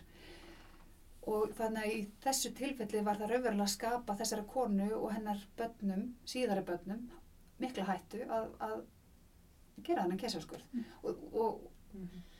Og þetta er bara dæmi um það hvað við megum ekki vera skamsýn og þröngsýn þegar við verum að taka ákvarðanir og hvað við verum að virða það sem konan kemur með á borðinu. Og það verður aldrei uh, jafnræð á milli okkar og þeirra sem við sinnum ef við erum ekki tilbúin að, að bera þeirra uh, sjónamiðum, skoðunum og, og, og viðhórum sömu virðingu og þau sína okkar faglegu þekkingu. Mhm. Og það er náttúrulega eins og þú veist að tala um áðan með þessa konu sem að akkurat stakka af hérna, flúði undan þessum keisaraskurði sem var að reyna að skikka nei og allt þetta og fætti einhverstur annar staðar. Ég man nú ekki hva, hvað hún fætti og hvort hún hafi fætt með ljósmóður eða hvað. En er ekki svolítið að tengja þessar sögur við þá umræðina um fæðingu án aðstóðar eða fríbörn, þú veist, sem að er þegar konur velja sér að fæða jafnvel bara einar heimahúsi með engan heilbreyðistarsmann hjá sér. Jú, og í raun og veru, er líka að tengja þetta bara umræðin um heimafæðingar með aðstóð vegna þess að Já. það sem við sjáum til dæmis í bandaríkjunum, nú tala ég ægilega um bandaríkjun, ég meina það er margt frábært í bandaríkjunum, ég er ekki að segja það, en varðandi þetta þá er ákveðin hnökrar í, í þjónustunni og til dæmis það að hérna uh, á bandarískum sjúkuráðsum er, er að verða sífælt erfiðara að fá að fæða eðlilega eftir eitt fyrir keisara. Að það er ákveðin svona mjög svona íkt áhættufalni í því kerfi út af tilnefingu til lögsókna. Þannig að svona uh, eins og og einhver ofsafengin öryggiskent þau fengið að ráða ríkjum þar og, og, og hérna eitthvað sem að flestum fæðingarlæknum hér á Íslandi finnst mjög óskynsanlegt að, að lega ekki að hér, hér hvetjum við alltaf endrið til þess að kona reynir rétt fyrir keisara einfaldið vegna þess að, að það er áhættu minna í langt flestum tilvikum. En, en í bandaríkjunum er þetta orðið normið ef þú, ef þú fæðir á sjúkrási eftir fyrir keisara þá er bara keisari bóði og það hefur orðið til þess að, að mun færri konur uh, velja að vera á sjúkrási eftir rétt fyrir keisara og þar velja í staðin að fæða heima. Og í bandaríkjunum eru engar uh, leiðbenningar á landsvísu um það að, að, að þetta sé ekki skinsanlegt eða ekki, ekki æskilegt eða þessu fylgi, fylgi á þetta Uh, þannig að það hefur markvaldast að síðustu árum svo fjöldi hvernig sem fæðir heima eftir fyrir keisara sem er áhættu þáttur og getur mögulega verið hluti af því hlutaskýring af því af hverju heimafæðingar hafa ekki góð útkomi í bandaríkjunum. Og þannig að það getur séð sko hvernig, hvernig, hva, hvernig það þrengja að þeirri þjónustu sem konur sækjast í og sækja eftir getur skapað áhættu öðrum stöðum og þetta á vissulega við um þessar konur sem að velja að fæða án aðstöðar vegna þess að uh, það var einmitt hérna nemi hjá mér núna sem var að skoða þessi mál Mhm. mjög áhugavert og hérna Hún Sunna Maria Skrán, ljósusistir okkar. akkurat Mhm. og þar kom akkurat í ljós að svona í þeim gögnum sem hún og við vorum að skoða að mjög stór hluti þeirra hvenna sem velur að fæða heima án aðstóðar gerir það á ákveðnum flótta undan þeirri þjónustu sem þær hafa fengið. Að vegna þess að þessu þjónustu sem þær hafa fengið annarkvort á meðgöngu eða í fyrri fæðingu hefur engan veginn mætt þeirra þörfum. Þeir hafa það tilfinningu að stjórnan hefur verið tekin af þeim. Það er upplifa að þeirra þörfum hafi alls ekki verið mætt og, og þær get ekki hugsað sér að leita aftur til heilbyrðiskerfisins, ekki einu sinni til heimafæðingaljósmæra. Og um, þetta er bara ábyrð sem við verðum að leita til. Þetta, okkar ábyrð er að veita þjónustu sem konur geta hugsað sér að þykja. Því að konur hafa óskoraðan rétt yfir eigin líkama og til að velja það þjónustu sem þær vilja og hafna þeirri þjónustu sem þær vilja ekki. Þannig ef að við teljum okkar þjónustu auka öryggjum orðbass þá bara verðum við að veita hana á þann hátt sem mætir þarfum hvenna til að þær kæri sig um hana. Og hérna bara verðum að sína ákveðna auðmýtt í því. Vissulega er ákveðin hópur þeirra hvenna sem að velur að fæða á aðstofa sem gerir það einfallega vegna uh, bara ákveðinar hugssjónar um að fæðing eigi að geta verið það eðlileg að uh, hún eigi bara hreinlega ekki að þurfa hennar aðstóð eða eftirlit eða hjálp og hérna og eigi að geta haft það góða tilfinningu fyrir eigin líka maður hún nefni sjálf ef eitthvað er að fara óskeiðis. Uh, og þetta eru konur sem bara þá þurfa að gera hlutina sinn hátt og, og það hvernig við veitum okkur þjónustu kannski ekki miklu að fara að breyta um það. En, en uh, við teljum allavega út frá allir sem við vitum um fæðingaferlið og um ljósmaða þjónustu, þá teljum við okkur vita að okkar þjónusta geti verið til bóta, geti auki öryggi og geti líka bara hreinlega bætt upplifun og líðan konunar með því að við séum ekki bara að, að veikta ákveði öryggi svona líkamlegt uh, heldur andlegt líka með, með stuðningi og uh, með því að styrkja konur og, og, og hérna efla þar í trú á, á sjálfa sig. Algjörlega. Þetta flækist alltaf svo mikið þegar einmitt, þú veist, við erum talað um annars vegar konu og síðan hins vegar konu sem gengur með bann, þú veist. Já, Þá verður þetta svo ofbáslega flókið. Þa, það er bara, um leið og kona verður, er þunguð, þú veist að það, þá, það er svo mikil sérstaða, varandi allar svona siðferðslegar pælingar og allt þetta um sjálfræði að, að þarna sé annar líf og eitthvað svona. Og maður hefur kannski mest svona í almennir umræði heyrt af þessum pælingum í sambandi við hérna þungunarof og hérna uh, löggjöf í sambandi við þungunarof og aðgengi hvernig að því og, og þetta. já, og akkurat sko þetta, ég held að sé engin siðferðislega staðar floknari heldur en svo sem þetta staðar þegar konan gengur með barn því þannig erum við með tvo einstaklinga Mhm. í sama líkama, bæða meðgöngu og í fæðingu og einstaklingar sem hafa báðir ákveðin mannréttindi og, og báðir sko okkur til dæmis okkur sem helbyrðistar sem hefum ber skilda til að byrð, verða og standa vörðum velferð bæði konu og bass og þar á ofan ber, ber okkur að virða sjálfræði konunar. Sjálfræði bassins er ekki eitthvað sem er í rauninni þannig myndinu vegna þess að barnið hefur ekki þennan hæfileika að meðtaka upplýsingar og taka ákvarðanir. Það er reynilega ekki orðin það mikil vitsminn að vera að hafa það sér fyrirslegu stöðu. En við verðum að, að, að, standa verðum velferð þess. og þetta getur virkilega flækt málinn í okkar starfi, vissulega. Mm -hmm. En það sem að flæki málinn kannski mest er þetta viðhorf sem hefur verið svo ríkt hérna á síðustu áratögum að hagsmunnin móður og bass fari ekki saman. Akkurat. Þegar við förum út í svona umræð þá erum við alltaf detta í þennan, þennan gýr að, að hagsmunnin móður og bass í andstæður í, og í rauninni svo kannski svolítið flókið ymda sér hvaðan svo hugmynd kom, kannski bara frá því að, að frá forræðisíkjunni, frá því að við teljum okkur vita betur og hérna, við teljum okkur vita, bet, vita betur en, en konuna hvað barninu fyrir bestu. Í, eða, veist, þessi, þessi fortíðar arfleð sem að, sem að verist svona að vera erfitt að hreins út. Og hérna uh, þegar er umveruleikinni sá að í eiginlega öllum tilveikum fara hagsmunum hóður og bara saman. Það sem er best fyrir mömmuna er líka best fyrir barnið. Og hérna og það hvað best fyrir barnið er yfirlega eitthvað sem að móðurum veit betur en aðrir Algjörlega. og hérna um, en þetta hefur orðið svona svolítið skrautlegt og, og, og svolítið merkilegt að sjá hvernig við okkur tekst að flækja þetta bara kannski á óþörfu stundum og hérna til dæmis það varandi og varandi meðgönguvendina við, við höfum þetta sterk á mikla upplýsinga hlutverk að að upplýsa konur um um, hvað er holdt og gott í mataræði, hvað er gott í, varandi reyfingu, varandi svefn og bara allt sem að snýra almennt að lífstil og uh, og það hefur skriðið inn ótrúlega mikil forræðisíkja. Okkur finnst við þurfa að bjarga og finnst við þurfa að láta konur gera það sem er hotlast. Og hérna, konur hafa ekkert, þú veist, auðvitað eru flestar konur uh, á þeim stað að vilja gera það sem er best fyrir sig og barnið. Og, og það, það er mjög algengt á meðgöngu svona verða ákveðin viðsnúningur að konur sem kannski hafa ekkert endilega verða að arða miklu upp á, á þú veist, ekki, miklu orkuðu peningi eitthvað sem er holdt og gott fyrir þær þarf að fara að leifa sér það á meðgöngu. Af því að þannig eru það fannar að hugsa um einhvern annan líka og þetta er það sorglegt að við búum ekki í samfélagi þar sem það er ódýrt og auðvelt að gera það sem er holdt og gott fyrir mann.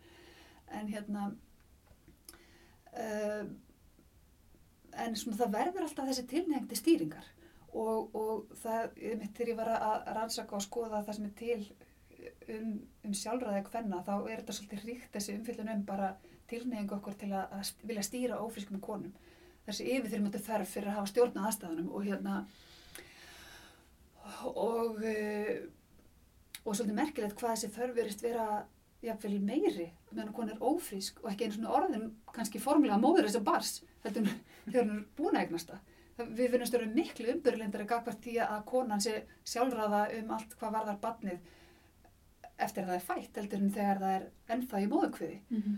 og hérna uh, og til dæmis, ég meina við erum ég held við séum til dæmis miklu minna stjórnsum eða miklu minni til neinhvern forræðsíki varandi mataræði í brjóstökju heldur en mataræði á meðgöngu uh, vissulega eru aðri hluti kannski sem skipta máli þar en, en það er svolítið merkilega þessi þversögn og hvað líka en hvað síðan við erum alveg omvend varandi yngripp á meðgöngu Mm -hmm. versus til dæmis fæðingu að við erum ofsalega hrætt við yngripp á meðgöngu. Við erum hrætt við að nota lif, við erum hrætt við alls konar meðferðir uh, af því að við viljum ekki ógna þessu jafnvægi sem er ríkið þarna í, í múðukviði. En svo verðumst við erum fullkomlega óhrætt við að beita alls konar yngrippum og lifum í, í fæðingunni og þar erum við alltaf að hugsa um skadan að því að gera ekki og meðan á meðgöngu erum við að hugsa um skadan að því að gera eitthvað. Mm -hmm. Þannig að það eru það alls konar þversagnir í því hvernig við, hvernig við vinnum. Þetta er mjög rétt sko. Já, og, og fyrst hún endur hérna þungunarofið að hérna að þar er einmitt uh, svo komin aftur á bandaríkjunum það er eins og ég sé bara ykkur Þau er eru bara svo augljóst dæmi í Æ, já, alls konar. því miður er það að mörgu leiti hvað varðar barneignarferðlið og Mhm. akkurat núna, þessa dagana, eru Já. mjög augljóst hérna dæmi um það hvað hlututir eru að fara úrskeiðis varðandi rétt hvenna til yfir á þeir einn líkam og rétt til þungunarofs og, og þar eru ákveðin hlutir í viðþorfanum sem akkurat uh, litast af þessari yfirþyrmandi þörf samfélagsins til að vernda ófætta barnið á meðan því samfélagi virðist alls ekki verið jafn andum að að vernda barnið sem er fætt og veita því við endi mm. Mhm. heilbriðstjónast og vend og, og mentun. Mm -hmm. Um, og það er eitthvað svona sk skínheilagleiki sem að enginnir þá umræði að, um, að lífið er heilagt alveg þannig að það kemur í heiminn Mhm. og hérna hér á Íslandi hefur sem beturfer umræðan verið miklu opnari, umbyrðuleindari hún var vissulega mjög erfið í tengslum við þessi nýju lögjöf um, um þungunarof og ég held að til dæmis flestar ljósmaður að flest, sko, flestar okkar hafi brugðist við með svona bara, uh, bara tilfinninga viðbræð eins og að vera kildar í magan þegar við heyrðum fyrst orðræðinu um það að færa mörg frjálsra fósturauðg upp í 22 vikur.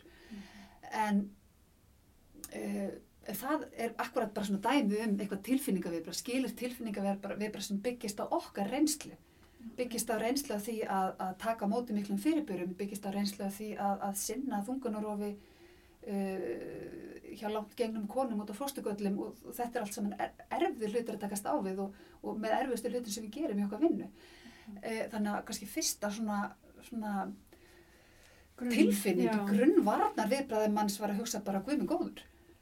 En um leiðum að lefi sér að, að bara ver, fara inn í það að vera fagmaður, fara inn í það að hugsa raugrétt og horfa á allir rauginn sem eru farið fyrir þessum ákverðunum þá allavega ég persónulega um leiðu ég byrjaði að, að, að skoða hlutina og, og lesa mig til og, og raugraði sjálf mig og aðra um þetta mm. þá verður ég mjög fljótt að komast að þeirri niðurstöða ef við ætlum á annar borð að gefa kost á þungunarofi yfir höfuð og ef við ætlum ekki að mismuna ófættum börnum eftir því hvort þú búið við fellum eða ekki þá þetta, var þetta eina lendingin sem var möguleg. Mm -hmm og uh, sem sagt að setja marki við þessa meðgöngulengd en ekki við eitthvað stittra eins og það hafi verið, já, verið til já, dæmis. og, og þetta er náttúrulega líka í samræmi við það að við viljum hafa sem okkar fyrsta viðmið rétt hverna til yfiráða yfir einn líkama. Mm.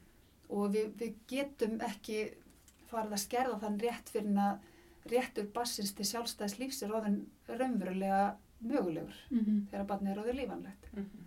Og er það ekki það sem að ræður þessu að, að þetta sé markið, að það sé við þessar 22 vikur að, að hérna... Jú, við, við með er dreyið þarna hér og við annars það er vegna þess að þarna er þau mörg, þarna er líka mörg þess uh, að við getum raunverulega komið barninu til aðstóðar og, og hjálpa því að halda lífi mm -hmm. Uh, eftir 22 viku þó að uh, oft sem ég það við 24. Mm -hmm þannig að, en þessi við umræður auðvitað ofsólega erfið vegna þess að, að það er erfitt síðferðislega að horfa þannig á það að einn daginn sé hafi barnið ekki rétt til áframallinu meðgöngu og svo mm -hmm. er klukkan árum 12 komið næsta dagur og þá hefur það allt aðra síðferðislega og lagalega stöðu mm -hmm. og það er akkurat það sem gerir þetta alltaf flókið að síðferðislega staða og lagalega staða lítur ekkert endilega sömu lögmálum uh, við þurfum að hafa, lög þurfa að vera skýr. Það er Já. ekki grátt svæði í lögum, það er af eða á. En síðferðislega vitum við að margir hlutir eru á gráu svæði þó þeir þurfa að vera uh, að skýr, þó þurfa að vera að dregna skýra línur en það í lögum. Já, og, og ég held að við sjáum að til dæmis hérna, uh, afleðingar þess að draga mjög skýrar lagarlegar línur um uh, hluti sem eru siðfyrslega á gráðsvæði geta, sko afleggingarna geta ímist verið þær að auka sjálfræði, auka sjálfstjótt hverna eða minga og ég hérna, já, ég held að þetta sé ekki, þetta er ekki auðvelt að, að, að búa til lög sem er sáttum Nei. og stundum verður enginn sátt. Sannara ekki. En það er líka, er ekki ekki starfandi bara siðferðisnæmt þar sem að siðfræðingar eru varandi heil, heilbreyðiskerfið og Það eru starfandi marga síðanemdir, þær, þær eru mikið til að fjalla um vísindaransóknir en e, það eru líka starfandi síðanemdir eins og síðanemd lífsmárafélagsins er til mm -hmm. sem að við getum skotið málum til að við komum byggur uh, hérna, áleitamál áleitamál, já, já. og ég held að það sé mikilvægt að við séum með svoleiðis uh, nefndir eða séum allavega með eitthvað svona, eitthvað vettfang umræðuvettvang þar sem er hægt að taka mál fyrir og velta litunum fyrir sér. Mm -hmm. Algjörlega. Ég sá um þetta að það var, ég held að við höfum verið að ræða þetta þegar við fórum í ennan síðferðislega álítamála tíma í ljósmaðurfræðinni að það voru einhver svona nokkra leiðir til að takast á við svona ágrunningsmál og eitt af því væri bara svona að láta eins og þau væri ekki til eða þannig að svona forðast aðeins umræðana sem er náttúrulega örglega það þægilegast að gera oft, þú veist, ef þetta er eitthvað bara svona Já, ég hef hugsað eins um kannski bara lífið í vinnunni og þú veist og annað er þá að, að beita einhver svona valdi og svo eitt er þá umræða eða þannig mm -hmm. sem að hérna maður þarf rúglega stanslist að minna sig á að það er bara gott að, að taka. Já, akkurat, ef við förum í afnættununa og, og hérna auðvitað er það kannski svona mannlegt fyrsta viðbræði og svona erfiðum uh, ágræðismálum að bara svolítið að forðast þau þannig að neðastum takast á við.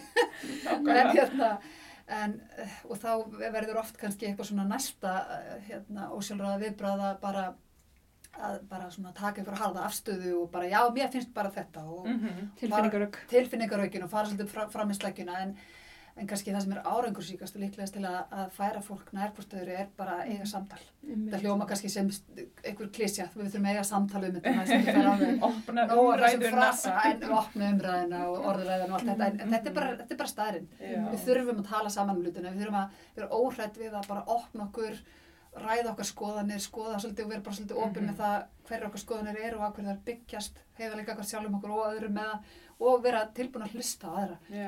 Og það er ekki bara að tala um að heyra það sem fólk segir heldur um að hlusta, meðtaka, Já. taka þetta inn og vera tilbúin að, veist, mér finnst bara, mér finnst æðislegt þegar ég þarf að viðkjöna að ég hafa aftur rátt fyrir mér. Mhm. og þegar ég þarf að bakka með eitthvað sem ég hef haldið. Eins og til dæmis þessi, umræði með, með þungunarófið veist, ég vissi það svo sem að þessi, þetta fyrsta tilfinninga viðbrað mitt að fara bara alveg í vörga hvort þessari Mhm. hugmyndum um að hækka viðmjöðunartíman ég vissi það strax að þetta var, var tilfinninga viðbrað þannig að veist, ég sat ekkit í því í einhvern tíma að ég leiði mér að fara í raugra við sjálfum með aðra en hérna en ég veit ekki, ég held að, ég held að stundum festist maður í tilfinningaraugunum og ég held maður sé ekkit endilega alltaf meðdaður um að þegar maður er að festast þar Nei. og, og maður, ég held maður þurfa bara að sína virðingu fyrir því að aðrir gera það líka og Algjörlega. auðvitað gagvart því að, að þú veist að ég er ekkit betra, betri í því heldur en aðrir þó að ég hefði lagt mig fram um að, að velta fyrir mér sem hlutum og nálgast hlutum með. Út frá, frá síðfræði og, og reyna að hafa í huga allt í sambandi við skildur og réttindi og upplýst val og veist þá, þá ger ég þessi mistök alveg eins og aðrir. Einmitt. Mér finnst eitt svo áhugavert, þú veist, að því núna erum við talað bara sjálfur að kvenna og þú veist, þessi áður nefnda forræðshyggju og svona. Það virðist sem að sé svolítið svona ríkt í eiginlega bara öllum heiminum eða allavega í samfélögum, mörgum samfélögum þar sem að, þú veist, einhvern veginn allir leifa sér svolítið að hafa skoðinir á óléttar konur eða þungar batshafandi konur og hvað er eiga að gera. Þú veist, við erum ekki tala um bara, ég er ekki tala um bara ljósmaður og, og lækna, ég er tala um bara, þú veist, langt út fyrir það, bara afar, hérna, ungir kallmenn, skilur hvert er að fara. eða bara konur út í bæ. og konur út í bær, já. Og það er akkurat með tilkomið samfélagsmiðla að þá verður þetta rosalega stórum þrýstingspunkti á konur.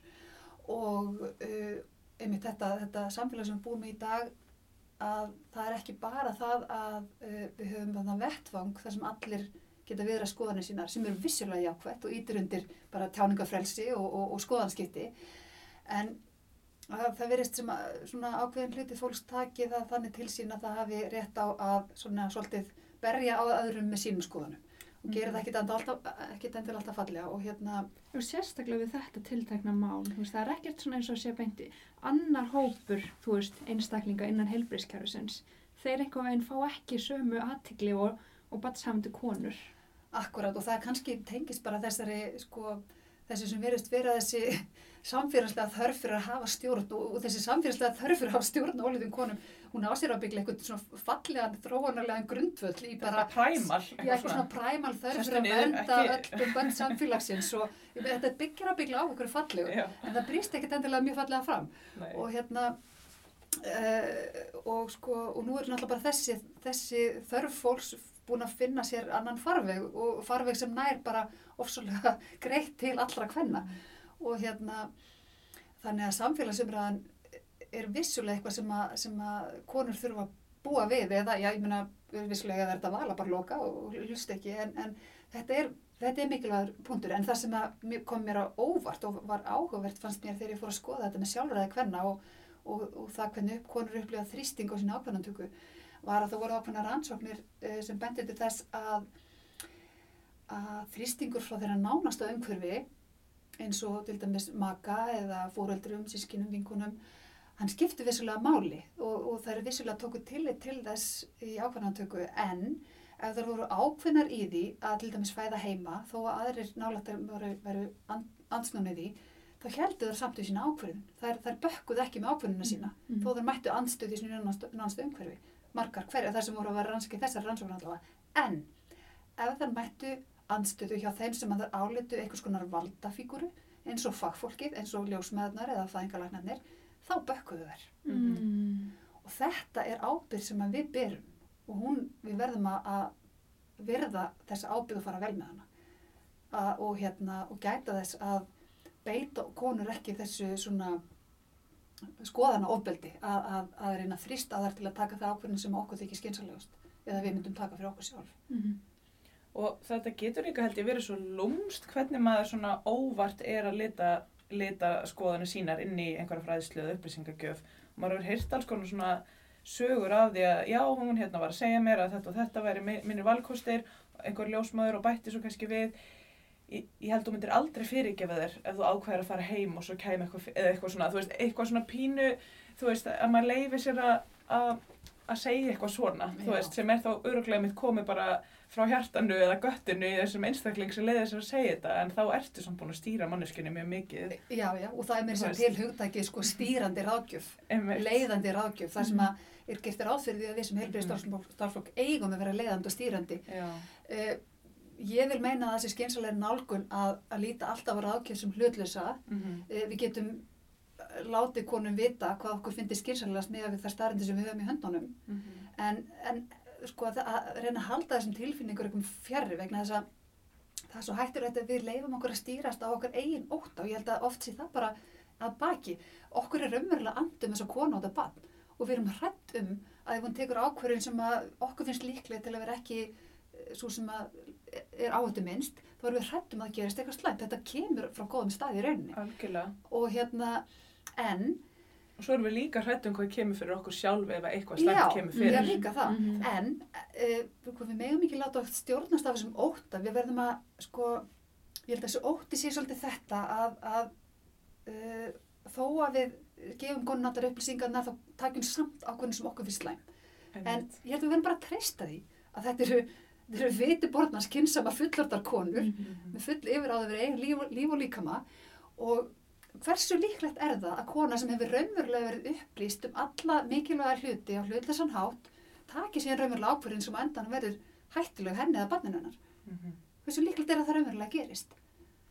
Ég vil ekki meina að það sé einhver, einhver uh, hætta sem við þurfum að skjálfa beinum yfir. Svo líka áhugavert að velta upp þessari pælingu um það hvort að þú veist, útkoma dansi raunverulega bara í takt við á- ákvarðanirnar. Eða þú veist, hvort að við fáum alltaf afleðingar bara út frá ákvarðun sem, við- sem er teknar og við getum sem verið pínu svona tækifæri sinnar að við erum að líta tilbaka út eitthvað kom upp á einhver niðurstað, einhver lendi einhverju, enda í bráðkessara eitthvað bla, þú veist að þá getur það stundum verið svona pínu misjátt hvort að við erum tilbúin að kenna okkur og einhverjum ákvörnum um það eða hvort að við erum bara að teikna þetta upp sem eitthvað svona sem að hefði hvort sem er gerst eða þú veist, að ég fattar ekki hver meina. Og þetta er mjög mikilvægt að sko, við vitum ákveðna hluti sem rannsóknir hafa sagt okkur, við vitum að ef að þetta er til staðar þá er þetta Þú veist, við vitum óslulega mikið um þannig hluti almennt Mhm. fyrir stóra hópa fólks Einmitt. en uh, það er rosalega erfitt að fullera um hvert einstak tilfelli Akkurat. ef, að, ef við horfum á eitthvað tilfelli eftir og við horfum á konu sem að endaði í keisara endaði, fekk blæðingu þú veist, kom eitthvað Mhm. upp sem að við hefum helst ekki viljað Mhm. að hérna að þá getur verið rosalega öll að vera vitur eftir að segja já það var út af þessu og þessu og þessu Mhm. en við höfum ekki hugmynd um það hvað raunverulega er gert, gerst með þetta einstaka tilvik ef, að, ef aðrar ákvarðanir hefur verið teknar á leiðinni Mhm. þannig að það er mjög erfitt að fullera um það Mhm. hvað hérna uh, nákvæmlega hvað í ákvarðanaferlinu leiti af sér þessar tilteknu útkomu og yfirleitt er það bara samblanda mörgum ákvarðunum Mhm. og, og, og mör, mörgum þáttum. Uh, þannig að sko og okkur hættir til að horfa svolítið skekt á þetta. Uh, eins og til dæmis það kom í ljósi í rannsókn hjá konum sem að uh, viðtalsrannsóknum konum sem að höfðu ákveðið að fæða heima og hérna semst, trátt fyrir áhættu þetta sem við ráðlegjum ekki, við teljum það að konur eru með ákveðin áhættu þetta sé skynsalega að fæða þar sem að meiri sérfræði þjónustir í bóði. Er, er þetta á Íslandi?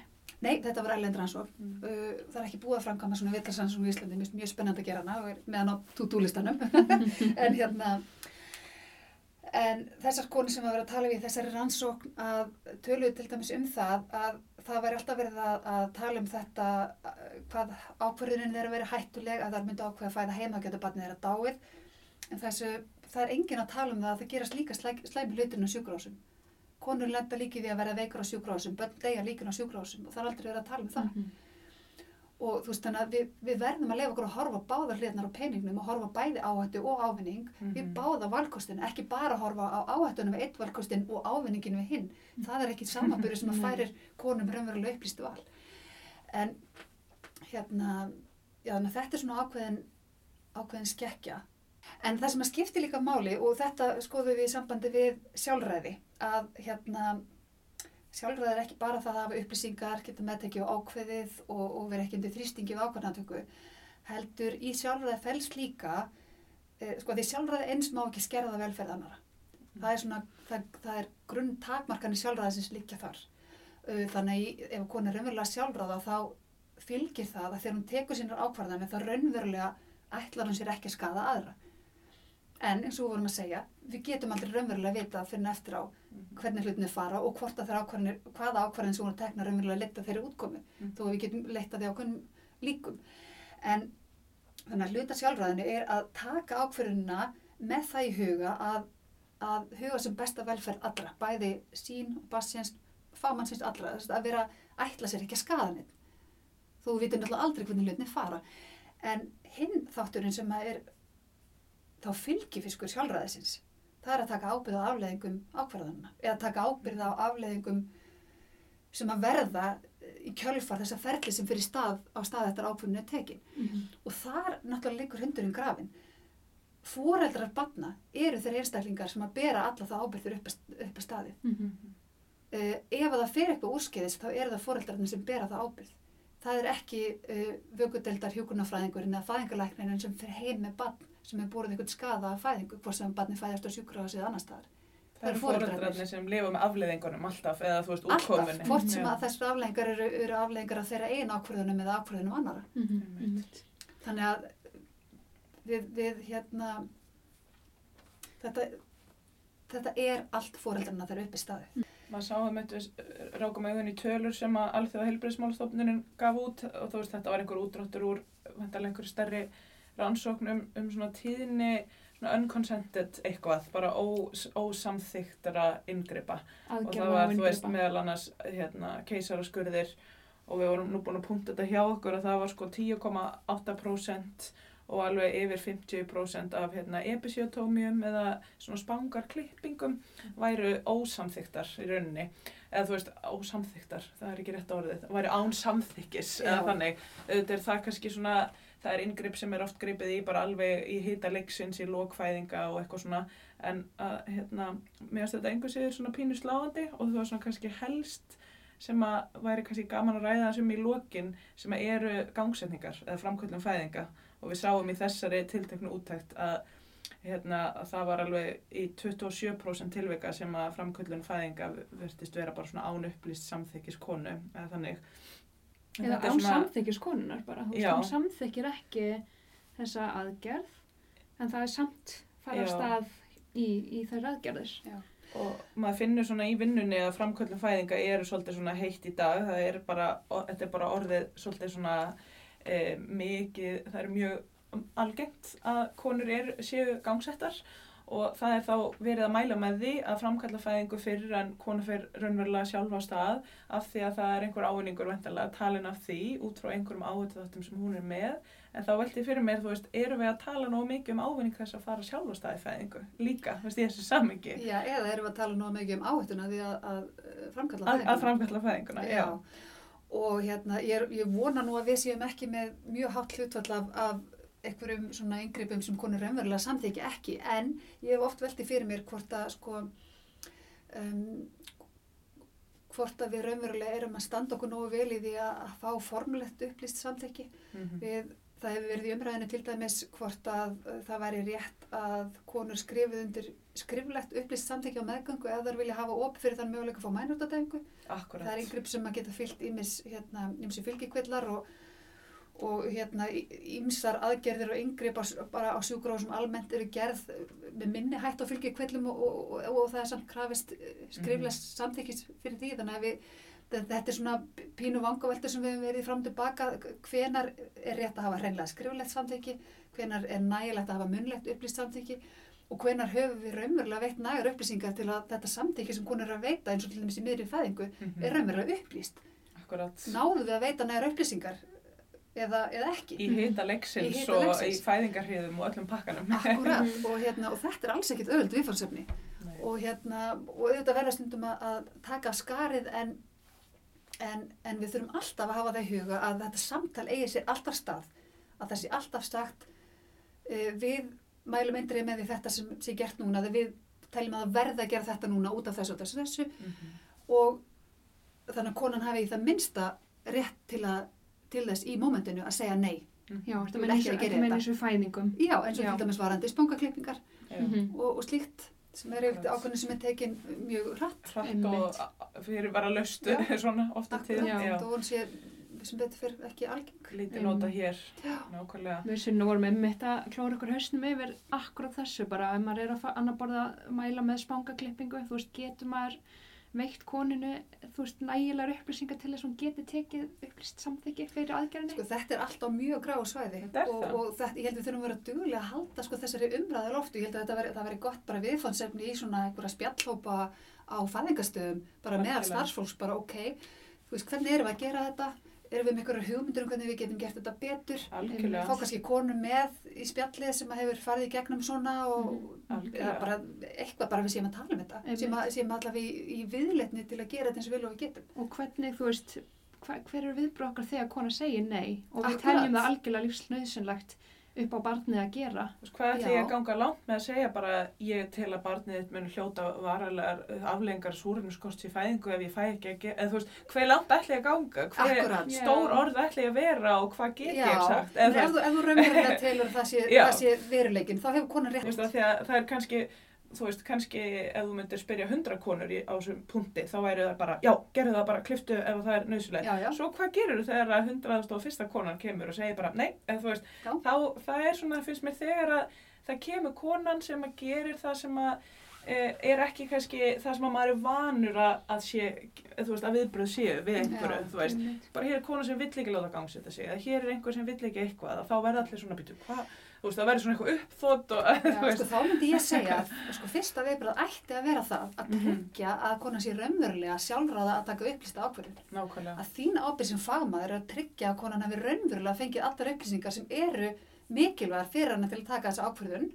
og í, þegar það verður að gera hluti hitta leiksins þá er það bara alls ekkert oft þannig. Nei, Og hérna, uh, það er, það er nummer eitt, bara að, að þú verður bara sem fagmaður til að geta, til að geta sko gengið frá þínu verki sátt og hafandi unnið þína vinnu eins og þú átt að gera, Mhm. að vera algjörlega fullið sem að konar hann fengi allar upplýsingar sem hún þarf á hlutlasan hátt og að það sé ekkert sem stendur í vegi fyrir því að hún geti tekið ákfyrðun sjálf. Uh, en síðan, þá verður það bara að gjöra svo vel að hlusta það sem konan segir. Það er bara ekkert flóknan en það. Mhm. Konan hefur óskorðu yfir á því sem einlíkaba ef hún segir nei við uh, smangaklippingu, ef hún segir nei við kesarskurði, ef hún segir nei við gangsetningu, þá stendur það. Mhm. Mhm, mhm. Og Algjörlega. núna náttúrulega er maður svolítið sjálfkvörður þegar maður er í þessu starfi. Er þá, þú veist, trygging ljósmaðra sem að standa í þessum aðstæðum, standa frammi fyrir þessum áskorunum, hún er alveg, uh, þú veist hvert ég er að fara, þú veist, við erum tryggðar Verður sem þú svo dregin? fagnar. Grein til ábyrðar. Já. Sko, lagaleg staðar ljósmaðra, mm, það má eiginlega segja hún hafi verið skýrari með gömlu ljósmaðralegunum sem að voru gildi til 2012 minnum mig. Þar stóð skýrum stöðum að, að hérna, ljósmaður bæri skilda til að koma til hjálpar konu í barsnuð eins og það var orðað. Já. Og það var svona í ákveðu öryggisnet að við urðum allavega alltaf að vera til staðar uh, sama hvað. Mhm. Og hérna í nýjum lögum um, um heilbreyðstarfsemi er þetta svona svolítið óskýrara. Það er reyndar ákveðum að læknar í, já, í þeirra síðferðis, neina, síðarreglum er allavega að þeim byrja skilda til að koma uh, fólki til hjálpar og, og þú veist það er einhver svona óljóst en þetta er ekki jafn skýrt. Og, og reglugerðum ljósmaður sem til í dag til, viðbútar við lögum um heilbreyðstjættir er ekki mjög skýr hvað þetta varðar. Og við hefum svolítið verið að velta fyrir okkur hvort það þurfi ekki að bæta við það vegna þess að það koma vissulega upp tilfelli eins og til dæmis uh, þegar konur vilja fæða utan sjúkrahúsa þrátt fyrir áhættu þætti. Já, nákvæmlega. Hvað gerir ljósmaður sem er beðin um að sinna konu í slikum aðstæðum? Og hérna, uh, að því við náttúrulega sem fagmenn, það er kannski ekki hægt að gera endilega þá kröfu á okkur að við, að við gerum eitthvað uh, sem við teljum að kom til að vera skadalegt fyrir þá sem við erum að sinna. Uh, en við verðum kannski að horfa þá heildamind svolítið vítt. Uh, til dæmis ef, að, ef það kemur upp stað þar sem að kona vil fæða heima þrátt fyrir áttu þetta, er, það er eitthvað í hennar gildismættu aðstæðum sem verður þess að, hún, að það er hennar indregna aðstæða að gera þetta þrátt fyrir það að við ráðlegjum annað, þrátt fyrir það að, að ljósmáður segja að hún vil ekki taka þátt í fæðingunum með henni. Hvað, hvað gerum við þá? Mhm. Er það þá ekki okkar skilda sem helbyrðistarsmenn ef við erum að hugsa um að lámarka skada og, og hámarka öryggi að taka engoð síður þátt í fæðingunni af því að við teljum klárlega að öryggið væri meira ef við varum þá allavega á staðnum. Mhm.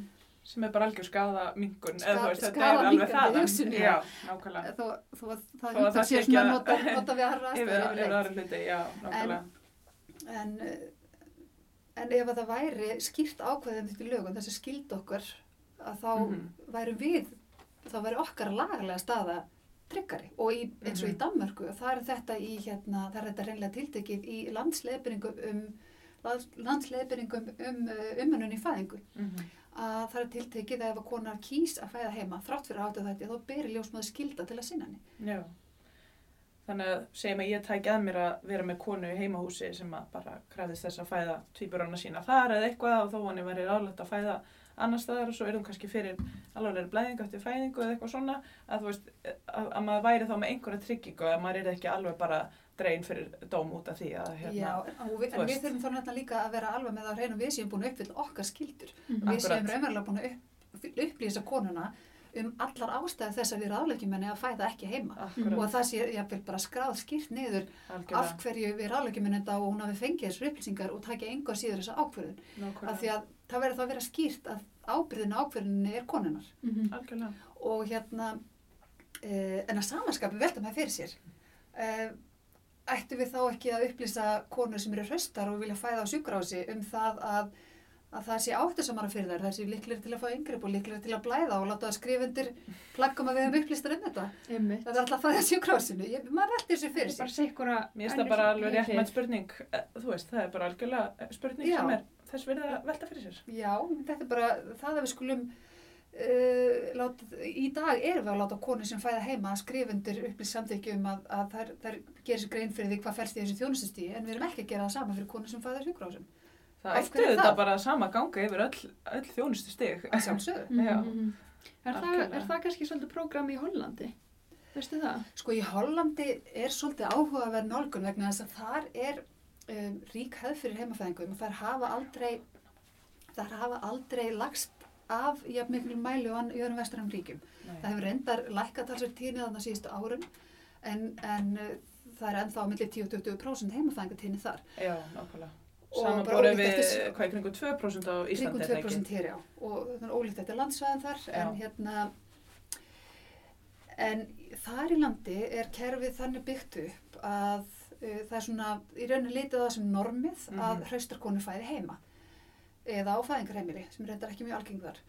Uh, en ef hraustkona í eðlæri meðgöngu velur að fæða á sjúkrahúsi í Hollandi, þá þarf hún að borga með sér. Hún þarf að borga fyrir sjúkrahúsfæðinguna sína vegna þess að það er bara litið þannig á það. Hún er að velja þjónustu sem er á of háu þjónustustíði fyrir hana. Mhm. Þetta er bara, þetta er of dýr þjónusta sem hún raunni þarf ekki á að halda og hún þarf bara að borga mismunin, Mhm. eða þessi hluta, hluta af mismuninu. Og þetta er bara partur af, af, af hollenska kerfinu. Og það hefur sem þetta komið upp í umræðinu hérna heima, hvort að þetta er- sé eitthvað sem við ættum að taka upp, bara að, að þetta val, að fæða sjúkrási þó þú sért hraust, hvort að þetta greiða fyrir það sérstaklega.